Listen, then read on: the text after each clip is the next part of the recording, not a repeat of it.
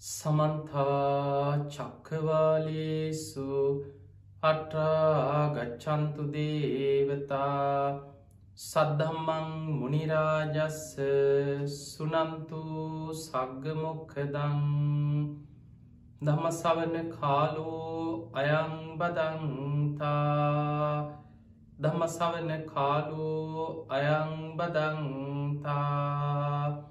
නමසවන කාලෝ අයංබදන්තා නමුතස්ස භගවතු වරහතු සම්මා සම්බුද්ධස්ස නමුතස්ස භගවතු වරහතු සම්මා සම්බුද්ධස්ස නමුතස්ස භගවතු වරහතු සම්මා සම්බුද්ධස්ස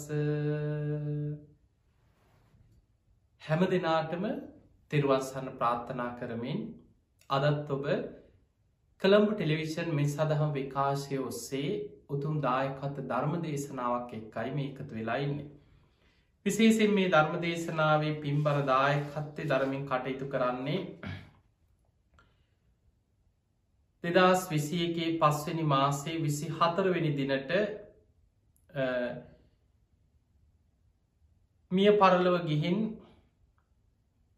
මාස පහක් ගතවෙන ඒ ආදරණය මෑණියන් සිහිපත් කරලා අද මේ ධර්මදානමය පින්කම සිදු කරන්නේ චින්තක විජය කුල සූරිය ඒ මහත්මා විසින්. එතුමන්ගේ අරමුණු අතර සඳහන් වෙන්න පූජනය කලිකම ඥාන්දීප ස්වාමීන් වහන්සේටත් මිය පරලවයන්නට ඉදනු ආදරණය මෑණියන් සිහිපත් කළ පින් අනුමෝදන් කිරීමත් සංසාරගත සියලූම ඥාතීන්ට පින්දීමත් ධර්මශ්‍රවනය කරන හැම දෙනාටමත් ලක්වා සිල්ලුවාසි හැම දෙනාටමත් ප්‍රාර්ථනය බෝධියකින් උතුම් ධර්මයම අවබෝධ වේවා කෙනේ ප්‍රාර්ථනාවෙන් චින්තක විජයකුල සූරිය මහත්මා අද මේ ධර්ම දේශනාවෙන් පින් බරදාය කත්තේ දරනවා. තිං එහෙමනං මීට මාස කීපයකට පෙර මාස පහකට පමණ පෙර මිය පරලව යන්නට යෙදුණු ඒ මෑනියන් සිහිපත් කරලා මේ ධර්මශ්‍රවනයෙන් අද රැස් කරගන්න පිනේ මෑනියන්ටත් සංසාරදුකින් අතමිදීම පිණිසම උපකාරවේවා කෙන චේතනාවෙන් අපි ධර්මය ශ්‍රවනය කරමු තිහෙමනං ඔබ හැම දෙනාටමත් බණහන හැම දෙනාටමත් මේ ධර්මශ්‍රවනය නිවන්දුරටුවක් බවටම පත්වේවා කියල අපි මුලින්ම ආශීර්වාද ප්‍රාර්ථනා කරනවා. බුදු කෙනෙක් ලෝකෙ පහළ වෙන්නේ ඉතාම් කලාතුරකින්. බුද්ධෝ හවේ කප්ප සතේ හිදුල්ලබෝ. බුද්ධ කියන වචනය පවා කල්ප සිය ගණනකින් මේ ලෝකෙ අහන්නත් දුල්ල බයි. පිංහතුනි අපේ බෝසතාණන් වහන්සේ ඔබ දන්නවා මාතු පෝසත ජාතකි එදා තරුණ වයසෙතිම තමන්ගේ පියා මියගියාට පස්සේ තමන්ගේ මෑනියංග බොහෝම ආදරෙන් රැකබලාගෙන ඒ මෑනියන්ගේ ඇපෝ පස්ථාන කටයුතු කරේ එදා ඒ මහා පින්වන්ත බෝසත් පුතා. ඔයාතරේ දැනගන්නට ලැබුණා රස්සාාවක් හොයහො යන අතරතුර නාවිකයෙකු නාවික ගමනට තරුණයන් බඳව ගන්නවා. බොහොම හැඩිදැරි ශක්ති සම්පන්න තරුණයන් තමන්ගේ නාවික ගමන්ට සම්බන්ධ කරගන්න. එදා ඒ රස්සාවල් හොයගෙන අද්දී මේක ආරංචි වෙලා මේ වීරියවන්ත තරුණයක් ගිය. ඒ වෙලාවෙ නාවික ප්‍රධානයා ඔහුගේ සුරූපය කායි ශක්තිය ඔහුගේ ශරීර සුරූපය දැකලා කියනවා ඔබ වගේ සිය ගණනක් වුණත් මගේ මේ ගමනට මං සම්බන්ධ කරගන්න.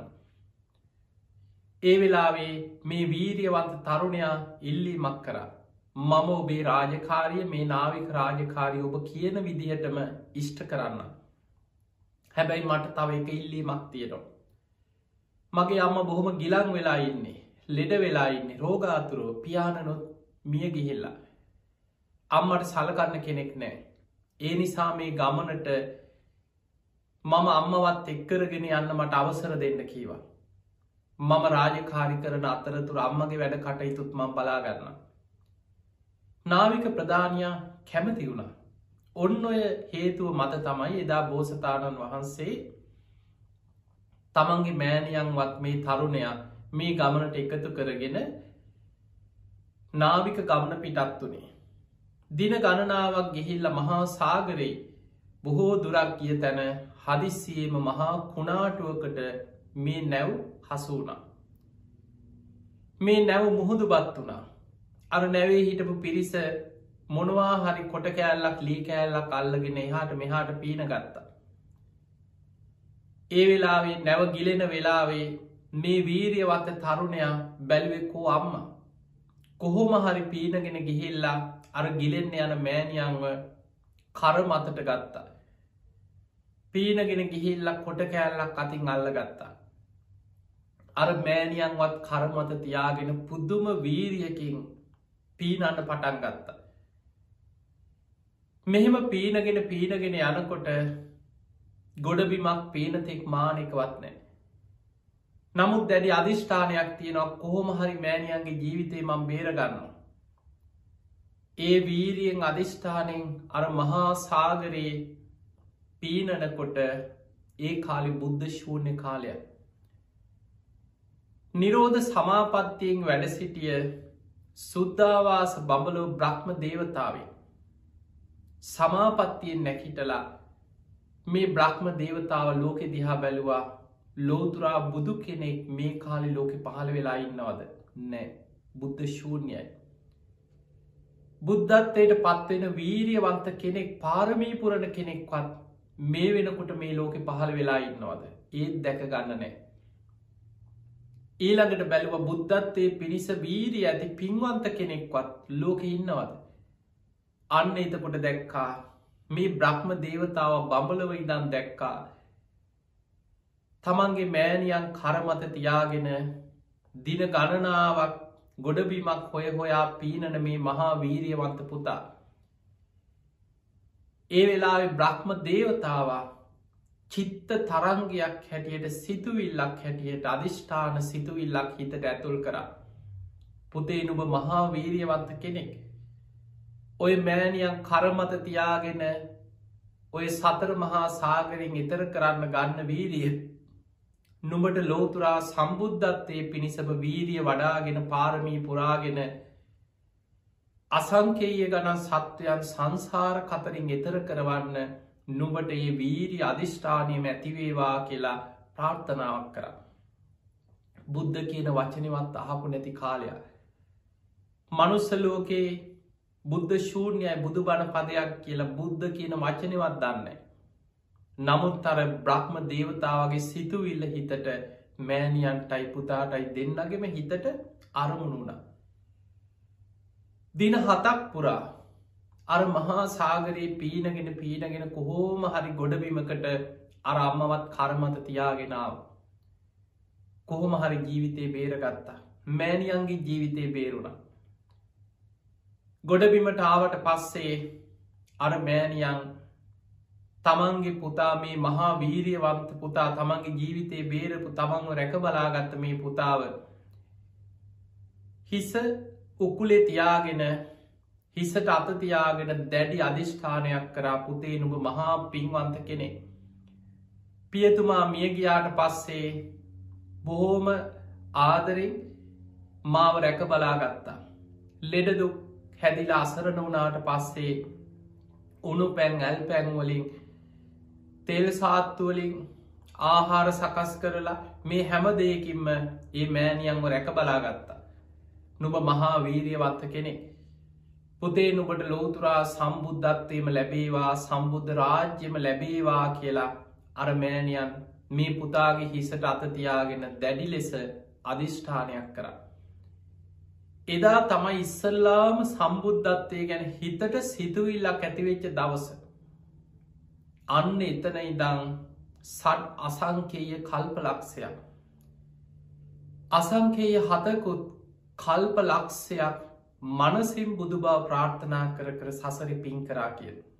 ඒ සිතුවිල්ල පලවෙනිම සිතුවිල් ඒකට කෙනා මනෝප්‍ර නිදහනේ පලවෙනියටම මනසට සම්බුද්ධත්වය ගැන ඇතිවෙච්ච සිතුවිල්ල.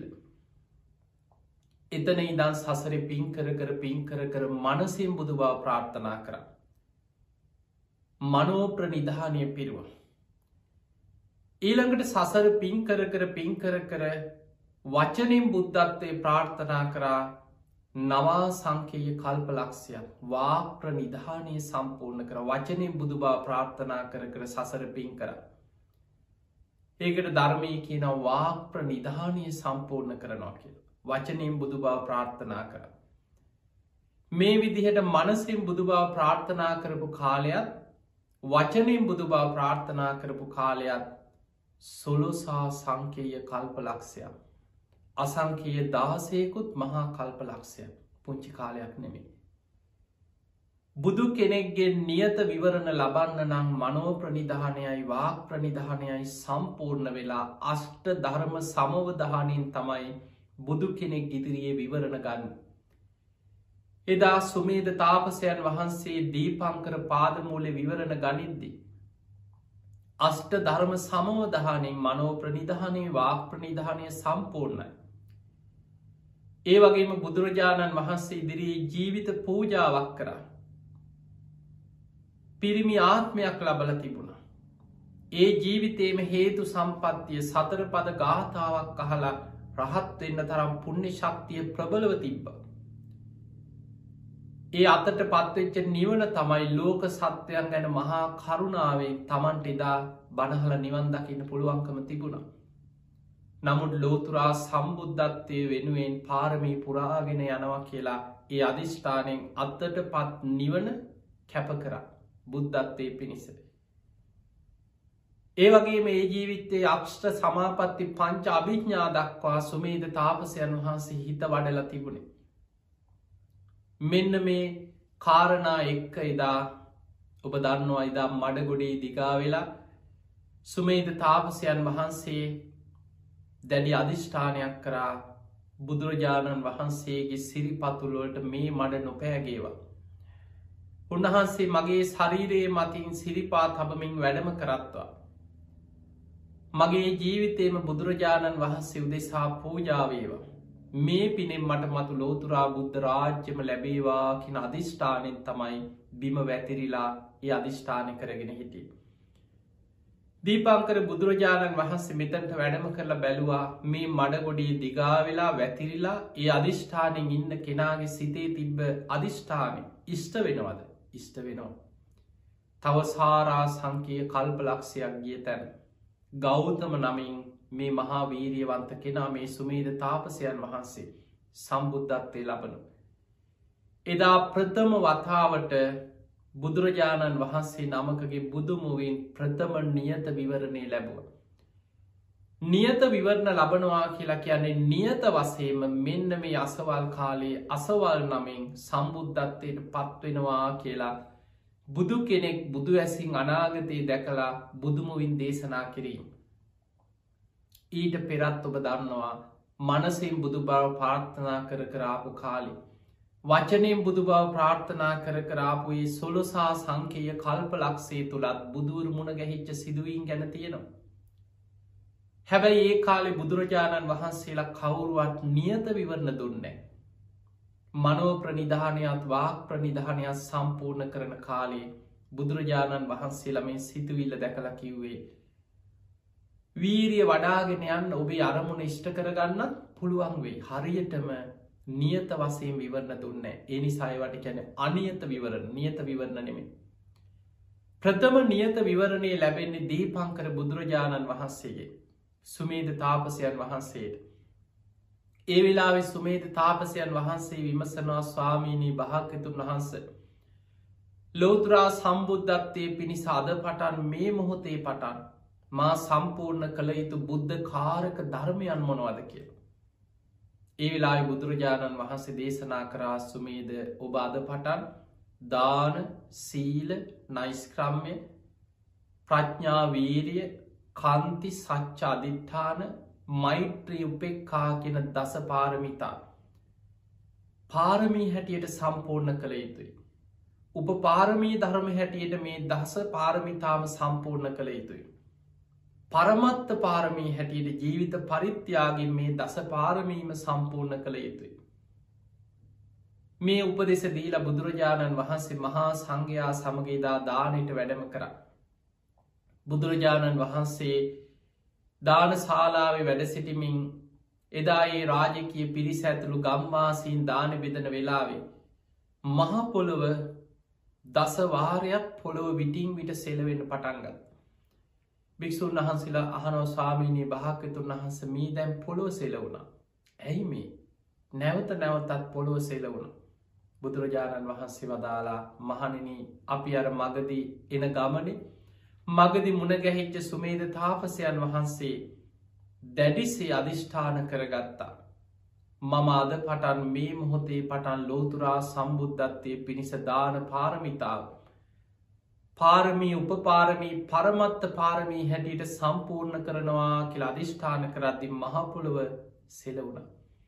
දෙවනි වතාවට අධිෂ්ඨාන කරා මම මේ මොහොතෙ පටන් සීල පාරමිතාව පාරමී උපපාරමී පරමත්ත පාරමී හැටියට ලෝතුරා සම්බුද්ධත්තේ පිණිස සම්පූර්ණ කරනවා කියල අධිෂ්ඨාන කරත් දෙවනි වතාවට මහපොළොව සෙලවුණ. මම නයිස් ක්‍රම්ය පාරමිතාව අද පටන් මේ මොහොතේ පටන්. පාරමී උපපාරමී පරමත්ත පාරමී හැටියට සම්පූර්ණ කරනවා කියලා අධිෂ්ඨාන කරද්දී තුංගනි වතාවට මහපොළොව සෙලවුණ. ඔය විදියට දස පාරමී දස වතාවක් අධිෂ්ඨාන කරද්දි මහපොළොව දස වතාවක් සෙලවමින් යධිෂ්ඨානය ඔබේ අධිෂ්ඨාන ඉෂ්ට වෙනවා කියල සාක්ෂි මහපොළො පවා සාක්ෂි දැරුව. එදා පටන් සුමේද තාපසයන් වහන්සේ. මේ දීර්ග සංසාර ගමන අපේ බෝසතාණන් වහන්සේ දාන සීල නයිස්ක්‍රම්.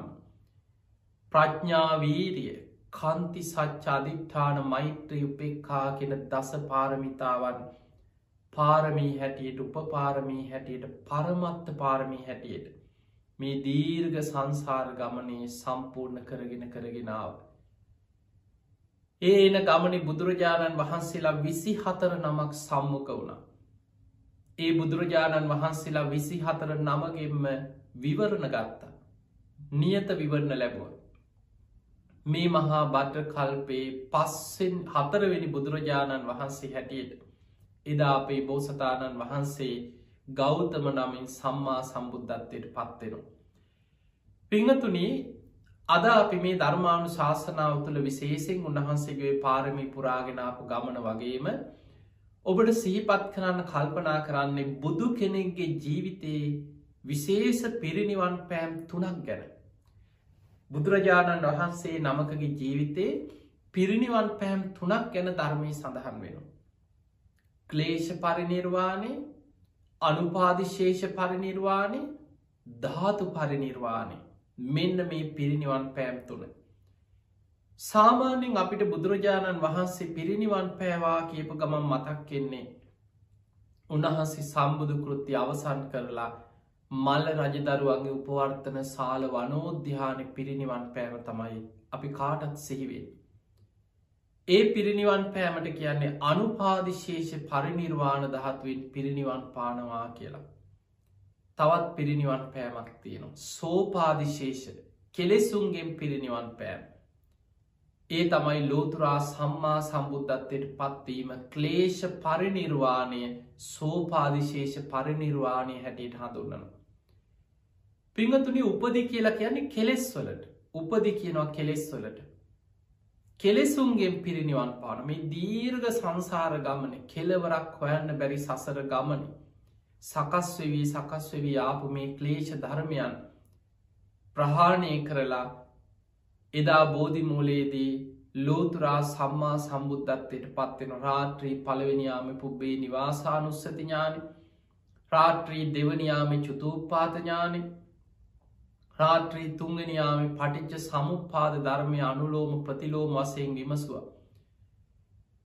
හිමිදිරි උදෑස්සන අරුණෝදයක් සමගම හිත කෙලෙසුන්ගින් මිදිලා සම්මා සම්බුද්ධත්වයට පත් වන ආසවක්කේ ඥානේ පුබ්බේ නිවාසානුස්සති චුතූපපාතඥාන දිබ්බ චක්කු දිබ්බ සෝත ඉරදිවිධඥාන බුදු කෙනෙකුට පමණක් පිහිටන ඉන්ද්‍රිය පරෝ පරියත්තේ ඥානය ආදී අනන්ත බුද්ධ ඥානයන්ගෙන් යුක්තව උන්වහන්සේ සියලු ක්ලේෂ ධර්මයන් බෝධිමූලේ ප්‍රහාණය කර.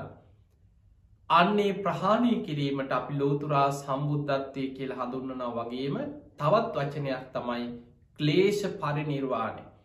සෝපාදිශේෂ පරිනිර්වාණි උපදි කියන්න කෙලෙස් කෙලෙසුන්ගේ පිරිනිවන් පෑම් ඒ තමයි බුදුරජාණන් වහන්සේ නමකගේ ජීවිතයේ පලවෙනි පිරිනිවන් පෑම් කෙලෙස් පරිනිර්වාණි ඊළඟට පිංහතුනේ බුදුරජාණන් වහන්සේ අවබෝධ කරගත් ධර්මය.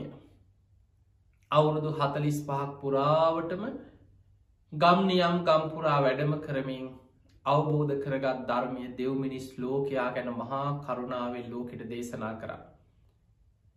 උන්වහන්සේගේ දිනචරියාව ගත්තොත් හිමිදිරි උදෑසනින් උන්වහන්සේ අවදි වෙන. පැැකීපයක් භාවනා කරනවා සක්මන් කරනවා. මහා කරුණා සමාපත්තියට සමවැදිලා ගන්ධ කුටියදන් දස දහසක් ලෝක දහතුවට බුදු ඇස විහිදෝන කාට දදමක් පිහිටවෙන්. කවුද අද දවසි ධර්මය අවබෝධ කරන පින්වන්තමය කියලා බුදු ඇසිල් ලෝකෙ දිහා බලන. සමහර වෙලාවට යුදුම් ගණන් ඈත ඉන්න පින් ඇති අය බුදු ඇසට යොමු වෙනවා. පාතරෙත් තරන් ඒ අය හොයාගෙන බුදුරජාණන් වහන්සේ බොහෝ දුරක් වඩිනවා. ඒ අන ගමන මගතොටේ උන්වහන්සෙක්කු පින්ඩ පාති කරන උන්වහන්සේට එක්කු දානටික ලැබෙනවා. ඒ දානෙත් වලඳලා මේ පුද්ගලය හොයාගෙන ගිහිල්ලා ඊළඟට පින් ඇති අය මගදි මුණ ගැහෙනකොට ඒ අයටත් ධර්මය දේශනා කරනවා.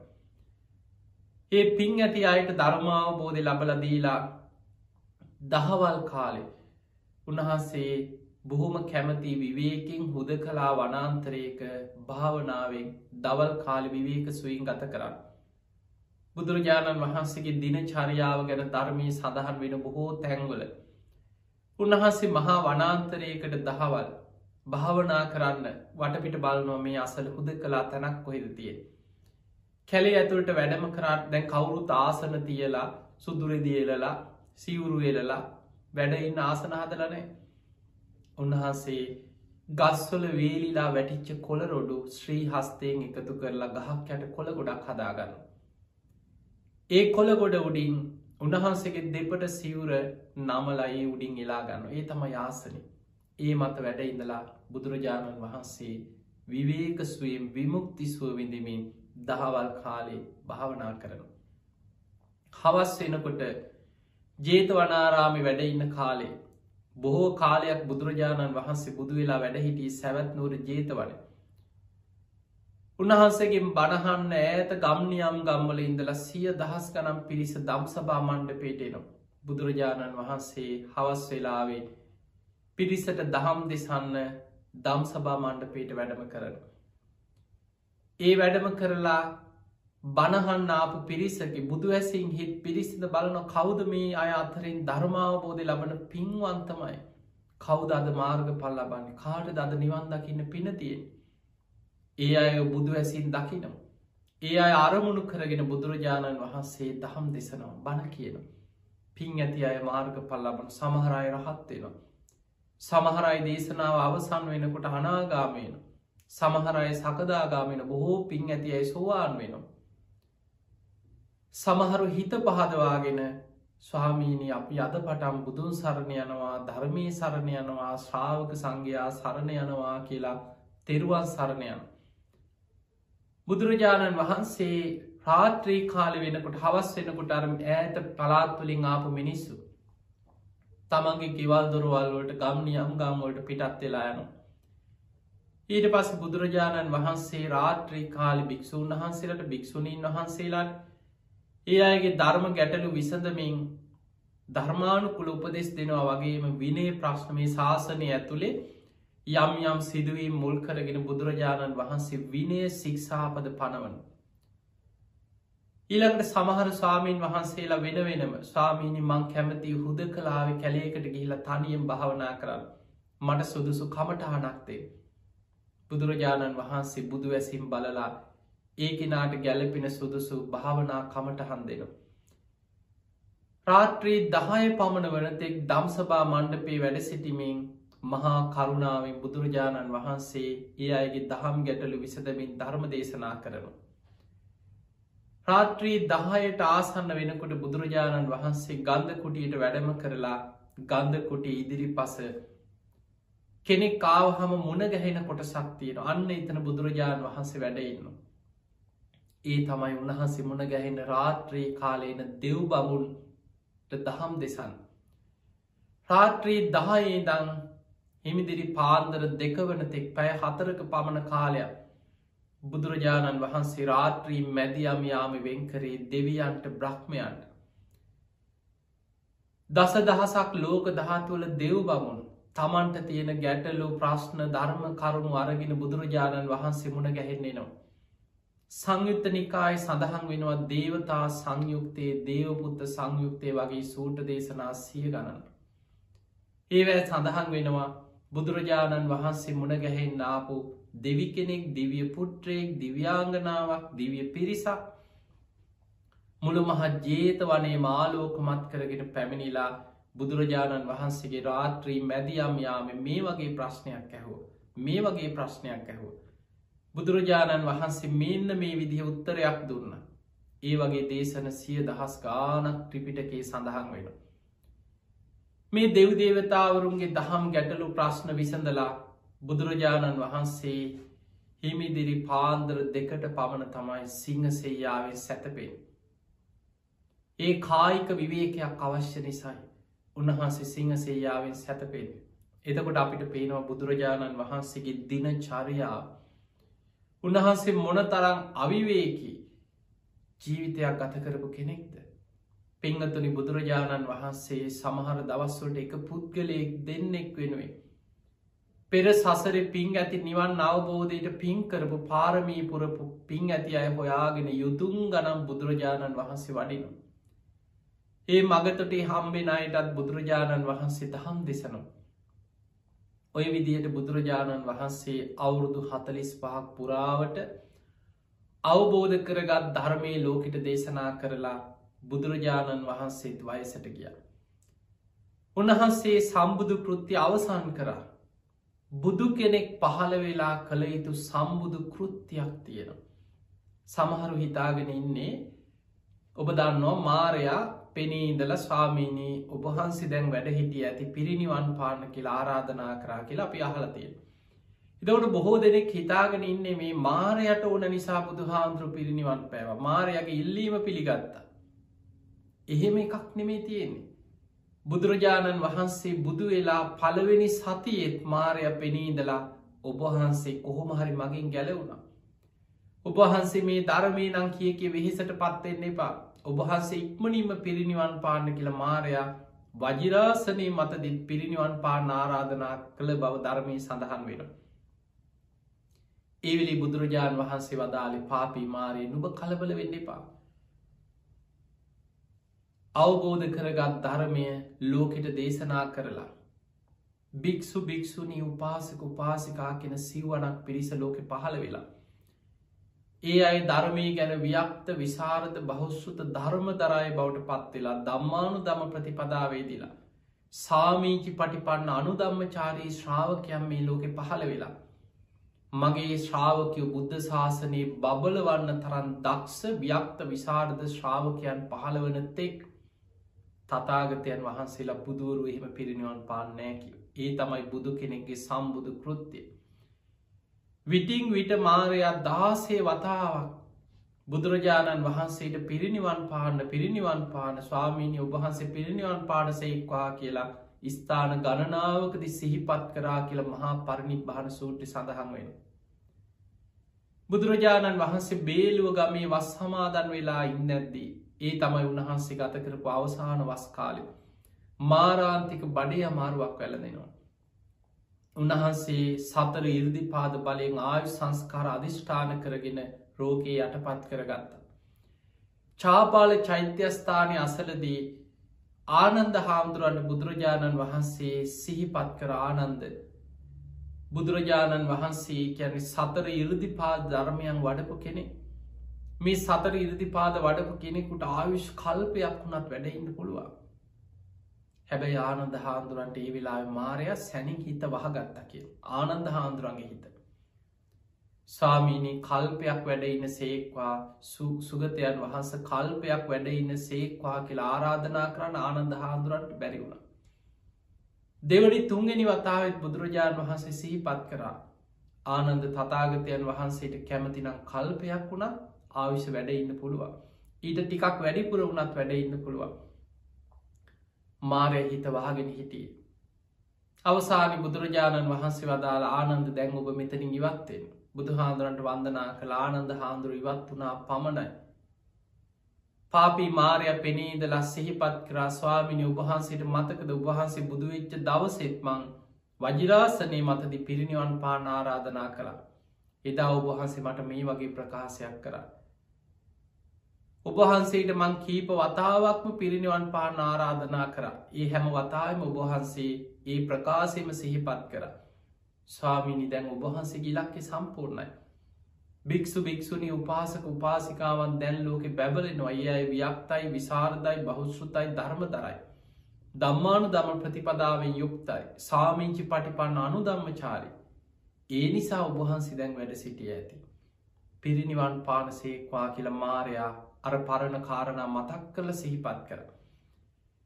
එතනති බුදුරජාණන් වහන්සේ බුදුවැසිම් බැලුවා බුදු කෙනෙක් පහළ වෙලා කළ යුතු සම්බුදු කෘත්තිය සිදු කළ අවසානයිද? ඒ වෙනකොට බුදුරජාණන් වහන්සේ නමක් කළ යුතු සම්බුදු කෘත්තිය සිදු කළ අවසානයි. අන්නේ නිසා බුදු හාමුදුරු දේශනා කන පාපී මාරයෙන් නුබ කලබල වෙන්න එපා. හරියටම තව මාස තුනක් අවසන් වෙන වෙසක් පුන් පොහෝ දවසේ තතාගතයන් වහන්සේ පිරිනිවන් පානවා කියලා අධිෂ්ඨාන කරලා එදා චාපාල චෛත්‍යස්ථානය අසලදි ආයු සංස්කාර අතහරින්. පිංහතුනි අපේ බුදුරජාණන් වහන්සේ මල්ල රජදරුවන්ගේ උපවර්තන සාල වනෝද්‍යානයේදී සම්බුදු කෘති අවසන් කරලා අනුපාදිශේෂ පරිනිර්වාණ ධාත්වෙන් පිරිනිවන් පෑව. ඒ පිරිනිවන් පෑම ධර්මය හඳුන්නන්නේ අනුපාදිශේෂ පරිනිර්වාණ ධාතුවෙන් පිරිනිවන් පෑම්. ඒ තමයි මේ බුද්ධ ශාසනයේ දෙවනි පිරිනිවන් පෑම්. සෝපාදිශේෂ පරිනිර්වාණයයි අනුපාදිශේෂ පරිනිර්වාණ දැන් අපි පිරිනිවන් පෑම් දෙකක් ගැන කතා කර. පිංහතුනි බුදු කෙනෙක් පිරිනිවන් පාන්නේ අනාගතයේ ලෝකෙ පින් ඇති අයි පහළ වෙනවා. ඒ අයට බුදුරජාණන් වහන්සේව සියසින් ඇස් දෙකෙන් දැකළ වන්දනා කරගන්න පින් නැති වුණත් බුදුරජාණන් වහන්සේ සිහි කරලා උන්වහන්සේගේ ශාරීරික ධාතුන් වහන්සේලාට හරි වන්දනා කරගෙන ඒ අය මහා පිම්පුරාගෙන දෙව්ලෝ බඹල උපදිනවා නිවන කරායන. ඒ නිසා මාගේ ශාරීරික දහතුන් වහන්සේලා දෙව් බමුන්ගේ වන්දනා ලබමින් මෙපමණ කාලයක් වැඩ සිටිත්වා කියලා බුදුවරු අධිෂ්ඨාන කරන. ඒ අතර සමහර බුදුරජාණන් වහන්සේලා ධාතුන් වහන්සේලා විසිරෙන් අධිෂ්ඨාන කරනු. බොහෝ බුදුරජාණන් වහන්සේලා ධාතුන් වහන්සේලා විසිරෙන් අධිෂ්ඨාන කරන්නේ. ශ්‍රීදේහය ආදාහනෙන් පස්සෙ සියලුම ධාතුන් වහන්සේලා ඒක ගනව රත්තරං රන් දෙනක තමයි ශ්‍රීදේහය ආදාහනය කරන්න හැම බුදු කෙනෙක ඒ ධාතුන් වහන්සේලා ඒක ගනව එක කැටියට පිහිට ඒ ධාතුන් වහන්සේලා තැම්පත් කරලා ධාතුන් වහන්සේලා විසිරෙන් අධිෂ්ඨාන නොකරපු බුදුරජාණන් වහන්සේලා වෙනුවෙන් එකම ධාතු තැම්පත් චෛත්‍යයක් ඒ ශාසනවල ඉදි වෙන. හැබැයි ඔබ මම සරණගිය අපි සරණගිය අපේ බුදුරජාණන් වහන්සේ ධාතුන් වහන්සේලා විසිරෙන් අධිෂ්ඨාන කර. උන්වහන්සේගේ අධිෂ්ඨානය මතයි විශාලම ධාතුන් වහන්සේලා හත් නමක් හැටියට ලලාට ධාතුන් වහන්සේ සතර දළදා වහන්සේ අකුධාතුන් වහන්සේලා දෙනම නොකැඩී නොබිදී නොවිසිරී රන්දනේ ඒ ආකාරයෙන්ම ඉතිරි වුණේ. අනෙක් සියලුම සර්වඥ ධාතුන් වහන්සේලා මුම් පියලි ප්‍රමාණයට කඩසහල් ප්‍රමාණයට අබෑට ප්‍රමාණයට ඉතා කුඩා කුඩා කුඩා කොටස්වලට බුද්ධ අධිෂ්ඨානෙන් විසිරිලා ගිය. මේ සියලුම ධාතුන් වහන්සේලා විසිරුණේ බුද්ධ අධිෂ්ඨානය මතයි. ඒ ධාතුන් වහන්සේලා තුළ බුද්ධ ශක්තිය තියෙනවා. බුද්ධාධිෂ්ඨානය අදටත් පවතිනවා. පිංහතුනේ අපේ බුදුරජාණන් වහන්සේ අධිෂ්ඨාන කරේ මේ ධාතුන් වහන්සේලා. අවුරුදු පන්දහසක් යනකං දෙව් මිනිසුන්ගේ වන්දනා ලබමින් මේ ලෝකෙ පවතීවා. මේ ලෝකෙ වැඩ සිටිත්වා කියෙන අධිෂ්ඨාන. ඒ නිසාද මේ වෙනකොට අද අපි මේ බණහනකොට බුදුරජාණන් වහන්සේ පිරිනිවන් පාල අවුරුදු දෙදස් පන්සිය ගානක් ගත වෙලා. බුදුරජාණන් වහන්සේගේ දහතුන් වහන්සේලා තාමත් ඒ ආකාරයෙන්ම දෙව්ලොව බඹලව මනුලව නාලොව මේ හැම තැනම්. ඒ ධාතුන් වහන්සේලා දෙව් මිනිස්සුන්ගේ වන්දනා ලබමින් ලෝකෙ පවතිනවා. දැන් ඔබ හිතන්න අපිට සමහර ධාතුන් වහන්සේලා ගැන විස්තර ඉතිහාස පොත්වල කරුණු තිබුණට ඇස් දෙකට අපිට හරියට දැකගන්න නෑමොක දීව තැම්පත් කළ චෛත්‍ය හදල සමහර කරඩුවල මහා සෑවල්ල ඒව තැම්පත් වෙලා වැඩ සිටින්. නමුත් අපි කාටත් අවුරුදු ගානකට පස්සේ හරි ඇස් දෙකින් දැකගන්න දැකබලාගන්න ලැබෙන සුදු බුදුරැස් විහිදෙන සතර දළදා වහන්සේලා අතර මහනුවර ශ්‍රී දළදා මාලිගාය වැඩ සිටින. වාම යටි දළදා වහන්සේ ගැන ඔබ හිතන්. බලන්න බුදුරජාණන් වහන්සේලගේ මේ ධාතුන් වහන්සේලගේ තියෙන ආශ්චරය ඔබට ඒ තුළින් තේරුම් ගන්න පුළුවන්. පිංහතුනී බුදුරජා ඔබ හිතන්න දැන් අපි බුදුහාම් සාමාන්‍ය මනුස්සේ ගැන හිතම. සාමාන්‍ය මනුස්සේ ඔබ මම හරි අපි කවුරු හරි සාමාන්‍ය මනුස්සේ අපි මැරුණොත්. අපි මේ තියෙන කටේ තියෙන දතා අවුරුදු ගානක් යනකොට පුච්චල දැම්මි නැත්නම් මේක කාලයක් යනකොට මේ දතක් කියන්නේ හැමදාම අවුරුදු දහස් ගාන ඒ විදිටම තියෙන එකක් නෙමේ කළු පාට ගැහෙන බලන්න දත් මැද්ද නැත්නම් මොකද වෙන්න කියල ටික කාලය දත් සම්පූර්ණයම දුරුවරණ වෙලා කහටම ගති ඇවිල්ලා සමහරුන්ගේ කට ඇතුළෙම දත් දිරනවා. දත් කෑලි කුඩු කුඩු වෙලා කෑම කනකොට අර දත් කෑලි කැරිලා ගිලෙනවා. කෙනෙක් මිය ගියාට පස්සෙ මේ දත් දිරනවා. දිරදිරා දිරදිරා යන කාලයක් යනකොට. පිටිම අවුරුදු පණහක් සීයක් ගයා කියලා. මේ දත් කුඩු කරන්න එක අතින් අල්ල තද කර. පිටි වගේ කුඩු වෙලා යන මට්ටමට දිරදිරා දිරදිරා පස් වෙලා යන. මීට අවුරුදු පණහාකට සීයකට දෙසීයකට හා මිය ගිය මහපොළොවේ බලලපු කෙනෙක්ගේ අද පොළොව හාරල බැලුවත් දතක් හොයා ගන්න නෑ තියන්නේ පස්්ටික කුඩු වෙලාගේ ටික දැන් බලන්න අපේ බුදුරජාණන් වහන්සේ පිරිනිවන් පාල කොච්චර කාල්ද? අවුරුදු දෙදස් පන්සිය හැට ගානම් උන්වහන්සේගේ පිරිනිවන් පෑමෙන් තමයි බුද්ධ වර්ෂය ආරම්භ වනේ. බුදුරජාණන් වහන්සේ වැඩ සිටිද්දී උන්වහන්සේ කොතනවත් මහනිනි අද මගේ උපන්දිනය කියලා උපන්දිනයක් සමරපු විස්තරයක් ඔහෙවත් දේශනාවල එහෙම විස්තර නෑ. බුදුරජාණන් වහන්සේගේ සම්බුද්ධත්තේ මහනෙන අදමම් බුදු වෙලා මෙච්චර දවසක් කියල ඒ ඒකත් සංඝයා එකතු වෙලා උත්සවස්ශ්‍රියෙන් රජවරු සිටුරු සැමරුව කියල එහෙමත් නෑ. බුදුරජාණන් වහන්සේ පිරිනිවන් පෑවට පස්සේ. මහරහතන් වහන්සේලා ශාසනික කටයුතු වෙනුවෙන් බුද්ධ වර්ෂය භාවිතා කරා අදට බුදුරජාණන් වහන්සේ පිරිනිවන් පාල අවුරුද්දයි. අදට බුදුරජාණන් වහන්සේ පිරිනිවන් පාල මාස තුනයි. අනි අද බුදුරජාණන් වහන්සේ අද වගේ දවසක පිරිනිවන් පැවුන් වහන්සේ පිරිනිවන් පාල අදට අවුරුදු පහයි දහයයි. මේ විදිහට එදා මහරහත්තන් වහන්සේලා ගණනය කරන්න පටන්ගත්ත ඒ ගණනය කිරීම තමයි බුද්ධ වර්ෂය හැටියට භාවිතාවටාව. බුදුරජාණන් වහන්සේ පිරිනිවන් පාල අවුරුදු දෙදස් පන්සේ හැට ගානක් ගත වෙලා. බලන්න තාමත් අපිට බුදුරජාණන් වහන්සේගේ අනිත් දළදා වහන්සේලා දැකගන්න නැති වුණත්. මහනුවර ශ්‍රී දළදා මාලිගාය වැඩඉන්නේ දළදා වහන්සේ. අවුරුදු කීපයකට වතාවක් දළදා ප්‍රදර්ශනයක් තියලා හටවාසීන්ට දකින්න වන්දනා කරගන්න සලස්සනු. ඔබේ අම්මල තාත්තල සමහල්ලාවට මේ බණහනයි එබුක් එක් ඔබේ ආච්චිල සියලා ඒ කාලෙ දවස් ගනම් පෝලිං වල ඉඳල බොහොම සද්ධාවේ දළදා වන්දනා කරගත දළදා වහන්සේ ප්‍රදර්ශනය කරද්දි. වන්දනා කරගත් අය රන් කොපුුවක බහා වැඩ සිටින ඒ උතුම් වාම යටි දළදා වහන්සේ බුදුරජාණන් වහන්සේගේ ශ්‍රීමකේ සුදු බුදු රැස් විහිදිච්ච. ඒ උතුම් දළදා වහන්සේ සියසින් දැකකලා පින්කරගත් අය තාමත් මනුලව ඉන්නවා. අදටත්තේ දළදා වහන්සේ වසර කීපයකට වතාවක් සැදැහැවතුන්ට වන්දනා කරගන්න පේන සලස්සනම්. ඒමනම් අපිට පේන අවුරුදු දෙදස් පන්සිය හැට ගානක් කියත් බුද්ධ අධිෂ්ඨාන කොච්චර බුද්ධ ශක්තියක් මේ ධාතුන් වහන්සේලා තුළ තියෙනවද. ඒ විදිහටම වෙනස් නොවී දිරල නැතුව කුඩු වෙලා නැතුව පිටි වගේ වෙලා නැතුව ඒ දළදා වහන්සේ අදටත් ඒ වගේම ආශ්චර්යමත්ව වැඩ සිටිනු. ඒ නිසා මේ සියලු දහතුන් වහන්සේලා අබෑට ප්‍රමාණයට විසිරී කිය මුම්පියලි ප්‍රමාණයට කඩසහල් ප්‍රමාණයට විසිරීගේ සියලුම ධාතුන් වහන්සේලා.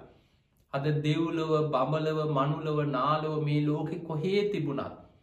ඔබ චෛත්‍යයක් හදල තැන්පත් කරලා බුදු පිළිම එක සීර්ෂය තැන්පත් කරලා කරඩුවක තැන්පත් කරගෙන ධාතුමන්දිරයක කොහේ තිබුණත් මේ සියලු දහතුන් වහන්සේලා එකතු වෙලා බුදුරුව මවාගෙට පෙළහර පාල පිරිනිවන් පාන දවසක් අනාගතයනවා. තව අවුරුදු දෙදස් හාරසිය ගානක් ගිය තැන. ඒ තමයි බුදුරජාණන් වහන්සේ පිරිනිවන් පාල අවුරුදු පන්දාහක් අවසන් වෙන වෙසක් පුන් පොහෝ දවසේ. ඒකට ධර්මී කියන්නේ ධාතු පරිනිර්වාණය කිය. මේ ලෝකෙ මේ විශ්වයේ තියෙන සියලුම සර්වඥ ධාතුන් වහන්සේලා දෙව්ලව බඹලව මනුලොව නාලෝ මේ හැම්ම තැනම වැඩයින්. සියලුම දහතුන් වහන්සේ අබෑට ප්‍රමාණි හෝ සර්වඥ ධාතුන් වහන්සේ නමක් යම් තැන පවතිනවන. ඒක බුද්ධ අධිෂ්ඨානයක් වෙන දෙවියෙක්කත් බ්‍රහ්මයක්කත් වෙන හිත දියුණු කරපු කෙනෙක්කත් කාටවත් ඕන විදිහට සිද්ධ වෙන දෙයක් නෙමෙයි ඒ බුද්ධ අධිෂ්ඨාන. ඔබ මතක තියාගන්න ඔබහල ඇති බුදුරජාණන් වහන්සේ පිරිනිවන් පෑවත් ධාතුන් වහන්සේලා බුද්ධ අධිෂ්ඨානයෙන් බුදුරුව මවාගෙන යමා මහ පෙළහර පෑවා කියලො බහල ඇති. රුවන්වැලි මහාසෑයි දුටුගැමු රජ්ජුරුවෝ ධාතුන් වහන්සේලා තැන්පත් කරන්න සූදානං වෙච්ච වෙලාවේ. කරඩුව හිසෙන් අහසට පැනනැගල බුදුරුව මවාගෙන යමා මහ පෙළහර පෑව රුවන්වැලි මහා සෑයි ධාතු නිදං කරන දවසේ. අනුරාධපුර තූපාරාම මහා සෑයි දකුණු අකුධාතුන් වහන්සේ තැන්පත් කරන්න සූදානං වෙන වෙලාව.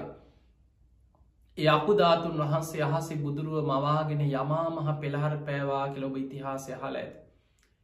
එහෙමනං අපිට පේනවා බුදුරජාණන් වහන්සේ නමකට පමණක් කළ හැකි අසිරිමත්ම පෙළහර යමා මහ පෙළහර පෑම් ධාතුන් වහන්සේලාටත් බුදුරුව මවාගෙන පෙළහර පාන පුළුවන් වුණා බුද්ධ අධිෂ්ඨානයක් මත. බුදුරජාණන් වහන්සේ පිරිනිවන් පාන්න පෙර අධිෂ්ඨාන කරලා තිබිච්ච නිසා. ඒ වගේම අනාගතයේ බුදුහාමුදුරු පිරිනිවන් මංචකී වැඩ ඉඳල අධිෂ්ඨාන කරේ. අවුරුදු පන්දහසක් අවසන් වෙන තැන මේ ලෝකයේ සෑම තැනම දෙව් බමුන් මනුස්්‍යයන් නාගයන් වන්දනා කරමින් වැඩයින්. සියලුම සර්වඥ ධාතුන් වහන්සේලා එකට එකතු වෙලා බුදුරුවක් මැවෙනවා බුද්ධගයා වජිරාසනයට ඉහළහසේ. මේ ධාතු පරිනිර්වාණය ආරම්භවෙ නිරුවන් වැලි මහාසෑයි වැඩඉන්න ද්‍රෝණයක් ධාතුන් වහන්සේලා අහසේ බුදුරුව මවාගෙන අහසිම්ම බුද්ධගයා වජිරාසන භූමියයට වැඩම කරනු. ඒ බුදුරුවට ලලාට ධාතුන් වහන්සේ නලල් තලයට අහසිං වැඩම කරලා පිහිටනු. සතර දළදා වහන්සේලාද කොහේ වැඩ සිටිය. ඒ බුදුරුවේ ශ්‍රීමුකේ ධාතුන් වහන්සේලා පිහිටි තැන පිහිටනු. අනෙක් සියලුම ධාතුන් වහන්සේ ලකුධාතුන් වහන්සේලා දෙනම ග්‍රීවාධාතුන් වහන්සේ සියලු මස්තිධාතුන් වහන්සේලා එකට එකතු වෙලා ඩ්‍රෝන අටකින් යුක්ත අස්ති ශරීරයේ සියලූ මස්තිධාතුන් වහන්සේලා පිහිටි තැනම පිහිටලා අස්ති ශරීරි සම්පූර්ණ වෙලා බුදුරුව ඒ සුරූපෙන්ම අහසෙ මැවෙනවා. දස දහසක් ලෝක දහතුළ දෙව් බමුන් අහසේ පිරිලා ඉතිරිලා සාධු කාරදිදී මේ ප්‍රාතිහාරි දැකලා මදාරා මල්ලිසිමින් පූජා පවත්වන. බොහෝ දෙවි දේවතාවරු හඬා වැටෙනවා. මේ ලෝකෙට පහළ වෙස්ස දහම් මැස ඉක්මනින් පිරිනිවන් පෑව. අනේ අපිට වන්දනා කරන්න හරි වැඩ සිටිය ධාතුන් වහන්සේලාද පිරිනිවන් පානවා කියලා. ඒ බුදුරු අහසේ යමා මහ පෙළහර පානම්. බුදු කෙනෙකුට පමණක් කළ හැකි යමා මහ පෙළහර පෑම ධාතුන් වහන්සේලාගේ මැවෙන බුදුරු අනාගතයේ වජිරාසනයට ඉහළ අහස සිදු කරනු. වජිරාසනය පොළොවෙන් අහසට පැනනගෙන. ඒ මත බුදුරජාණන් වහන්සේගේ බුදුරුව වැඩ සිටිනවා අර ධාතුන් වහන්සේලාගේ මැවිච්ච බුදුරුව. ඒ සැනින් වජිරාසනයත් බුදුරුවත් අහසේ මැවෙන ගිනි ජාලාවකින් වැසිලෑම. ටික වෙලාවක් යනකොට අලුවත් දැලිවත් දූවිලිවත් නැතුව සියලුම ධාතුන් වහන්සේ අහසේම දැවිලා අතුරු දහන් වෙලා නොපෙනි යනවා. ඒ තමයි ධාතු පරිනිර්වාණ. ඔන්න ඔය පිරිනිවන් පෑම් තුන බුද්ධ ශාසනයක තියෙනවා. පිංහතුනි අද වෙන කොට බුදුරජාණන් වහන්සේගේ අනුපාදිශේෂ පරිනිර්වාණය සෝපාදිශේෂ පරිනිර්වාණය කියෙන පිරිනිවන් පෑම් දෙක සිද්ධ වෙලා අවසා. හැබැයි තාම ධාතු පරිනිර්වාණි සිද්ධ වනේ නෑ. තවමත් මේ ලෝකෙ දෙව් මිනිස්සුන්ගේ වන්දනා ලබමින් ධාතුන් වහන්සේලා සර්වඥ ධාතුන් වහන්සේල ලෝකෙ වැඩ සිටිනවා. ඒ නිසා ඔබ මේ ලෝකෙ මනුස්ස ලෝකෙ ජීවත්වෙන ඔබ බොහොම වාසනාවන්තයි. අපිට මොන ප්‍රශ්න ගැටලෝ විපාත් වසංගත කරදර මොනවා තිබුණා. මේ ලෝකයේ භාග්‍යවන්තම පිරිස බුද්ධ ශාසනයක් මුණ ගැහිච්ච පිරිස. ඒ බුදු බණ පද අහන්න ලැබිච්ච පිරිස. ඒ ධාතුන් වහන්සේලා වැඩඉන්න රටක භූමියක ඉපදිච්ච පිරිස. අදා පිටරුවන්වැලි මහා සෑයි ධාතුන් වහන්සේලා විශාලම ප්‍රමාණයක් ද්‍රෝණයක් වැඩඉන්න මහා සෑය වන්දනා කරගන්න පින තියෙනවා. ලලාට ධාතුන් වහන්සේ අකුධාතුන් වහන්සේ වැඩඉන්න තූපාරාමි ග්‍රීවාධාතුන් වහන්සේ වැඩඉන්න මයිංගන මහාසෑ දකුණු දළදා වහන්සේ වැඩඉන්න සෝමාවති වාම යටි දළදා වහන්සේ වැඩඉන්න මහනුවර ශ්‍රී දළදා මාලිකා මේ ආදී පූජනීය මහා සෑයවත් අද අපිට සියසින් දැකළ වන්දනා කරගන්න වාසනාව තියෙන. එනිසා පිංහතුනි මේ ලැබිච්ච මනුස්ස ජීවිතය තුළ මේ මනුස්ස ජීවිතයේ බුද්ධ ශාසනයක් ලැබිච්ච වෙලාවේ අවසන් වෙන්න පෙර ඔබ සද්ධාදී ගුණ ධර්ම බලවත් කරගන්න. මේ බුද්ධ ශාසනය තුළ සද්ධහා ඉන්ද්‍රිය සද්ධහා බලය දියුණු කරගන්න. ආර්ය ශ්‍රාවකය කැටියට සද්ධාවෙන් දනවතෙක් වෙන්න සද්ධහා දනා ඔබේ ජීවිතය තුළ ඔබ බුද්ධ ශාසනීම සද්ධහා සීල සුතතියාග ප්‍රඥාදී ගුණ ධර්ම දියුණු කරගෙන මමත් මේ ගෞතම බුද්ධ ශාසනය අවසන් වෙන්න පෙර කොහොම හරි ධර්මය දියුණු කරගෙන ධර්මීම අවබෝධ කරගන්නවා කියෙන අධිෂ්ඨානයෙන් කටයුතු කරන්න. එහෙමනම් පිංහතුනි අද ඔබට සද්ධාව ඇතිවෙන බුදුරජාණන් වහන්සේලාගේ ජීවිතයේ ක්ලේෂ පරිනිර්වාණය අනුපාදිශේෂ පරිනිර්වාණය ධාතු පරිනිර්වාණය කියන මේ පිරිනිවන් පෑම් තුන සෝපාදිශේෂ අපි සෝපාදිශේෂ පරිනිර්වාණයටම තමයි ක්ලේෂ පරිනිර්වාණය කියලා කියන්න. ඊළඟට අනුපාදිශේෂ පරිනිර්වාණය සාමානෙන් අපි බුදු හාමුදුරගේ පිරිනිවන් පෑම කියලා අපිට මතක් කෙන්නේ ඒ පිරිනිවන් පෑම.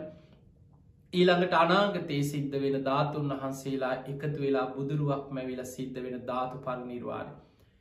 මෙන්න මේ පිරිනිවන් පෑම් තුනම අවසන් වෙච්ච තැන තමයි බුද්ධ ශාසනයේ ලෝකෙන් අවසන් වනා කියලා සිද්ධ වෙන්න. එතනින් පස්සයායේ වන්දනා කරන්න ධාතුන් වහන්සේ නමක්කත් අබෑට ප්‍රමාණි ධාතුන් වහන්සේ නමක්කත් ලෝකෙ කාටවත් ඉතිරි වෙන්න. ඒ නිසා මේ ලැබිච්ච මනුස්ස ජීවිතය තුළ පුළුවන් තරම් පින් දහම් කුසල් දහම් දියුණු කරගෙන ඔබ හැම දෙනාටම අප්‍රමාදීව උතුම් වූ ධර්මීම දියුණු කරගන්න ධර්මීම අවබෝධ කරගන්නම වාසනාව ලැබේවා ලැබේවා ලැබේවා කියලපි ඔබ හැම දෙනාටම හදවති මාශිර්වාද ප්‍රාර්ථනා කරනු. ධර්මශ්‍රවනයෙන් රැස් කරගස් සියලුපින් සියලු දෙවියෝ සාධු කාරදිදී මේ පින් අනුමෝදන් වෙත්වා ඒ දෙවියන්ගේ පිහිට රැකවරන ආශිර්වාදය ඔබ හැම දෙනාටමත් විශේසින් අද දායකත්තය දරන චින්තක විජේ කුලස්තූරිය මහත්මා ඇතුළු එතුමන්ගේ පවුලේ සියලු දෙනාටමත් සියලු දෙවියන්ගේ පිහිට රැකවන තුනුරුවන්ගේ ආශිර්වාදය සැලසේවා කියලපි ආශිර්වාද කරනවා. විශේසිෙන් එතුමන්ගේ අද මේ ධර්ම දේශනාවේ පින්බරදායකත්තේ අරමුණ තමයි දෙදස් විසේගේ පස්වනි මාස විසි හතරවෙනි දිනට ආදරණී මෑණියන් මිය පරලෝ ගිහිල්ලා මාස පහක් ගතවීම නිමිති කරගෙන අද මේ ධර්මදානමේ පින්කම සිදු කරන්න ඉතින් එතුමන්ගේ මියගේ මෑණියන් ඇතුළු සියලු ඥාති සාධකාරදිදී මේ පින් අනුමෝදන් වෙත්වා ඒ ඥාතීන්ගේ පරලව ජීවිත සැපවත්තේවා සූපත්තේවා වහවහා සසර දුකින් අතමිදේවා කියල සාදු කියල පින් දෙන්න. ඒ වගේම ධර්මශ්‍රවනය කරපු හැම දෙනාටමත් ඒ පවුලේ සුජීවත්තයින්න හැම දෙනාටත් විශේසින් චින්තක විජේසූරිය මහත්මා එතුමන්ගේ පවුලේ හැම දෙනාමත් නිදුක්කේවා නිරෝගිවේවා සූපත්තේවා. ඒ හැම දෙනාටම උතුම් ධර්මාවබෝධය පිණිස මේ පින උපකාර වේවා ආශිර්වාදයක්ම වේවා කියලපි ආශිර්වාද කරනවා විශේෂෙන් දේශකැනන් වහන්සේට අපට ආශිර්වාද කිරීමත් එතුමන්ගේ අරමුණු අතර සඳහන් වෙනවා තේමනම් බනෑ සූබ හැම දෙනාමත් ලක්වාසි ලොවාසි හැම දෙනාටමත් මේ උතුම් ධර්මශ්‍රවනය ධර්මාවබෝධය පිණිසම නිවන්දුරටුවක් බවට පත්වේවා කියලා අපි ආශිර්වාද කරනවා.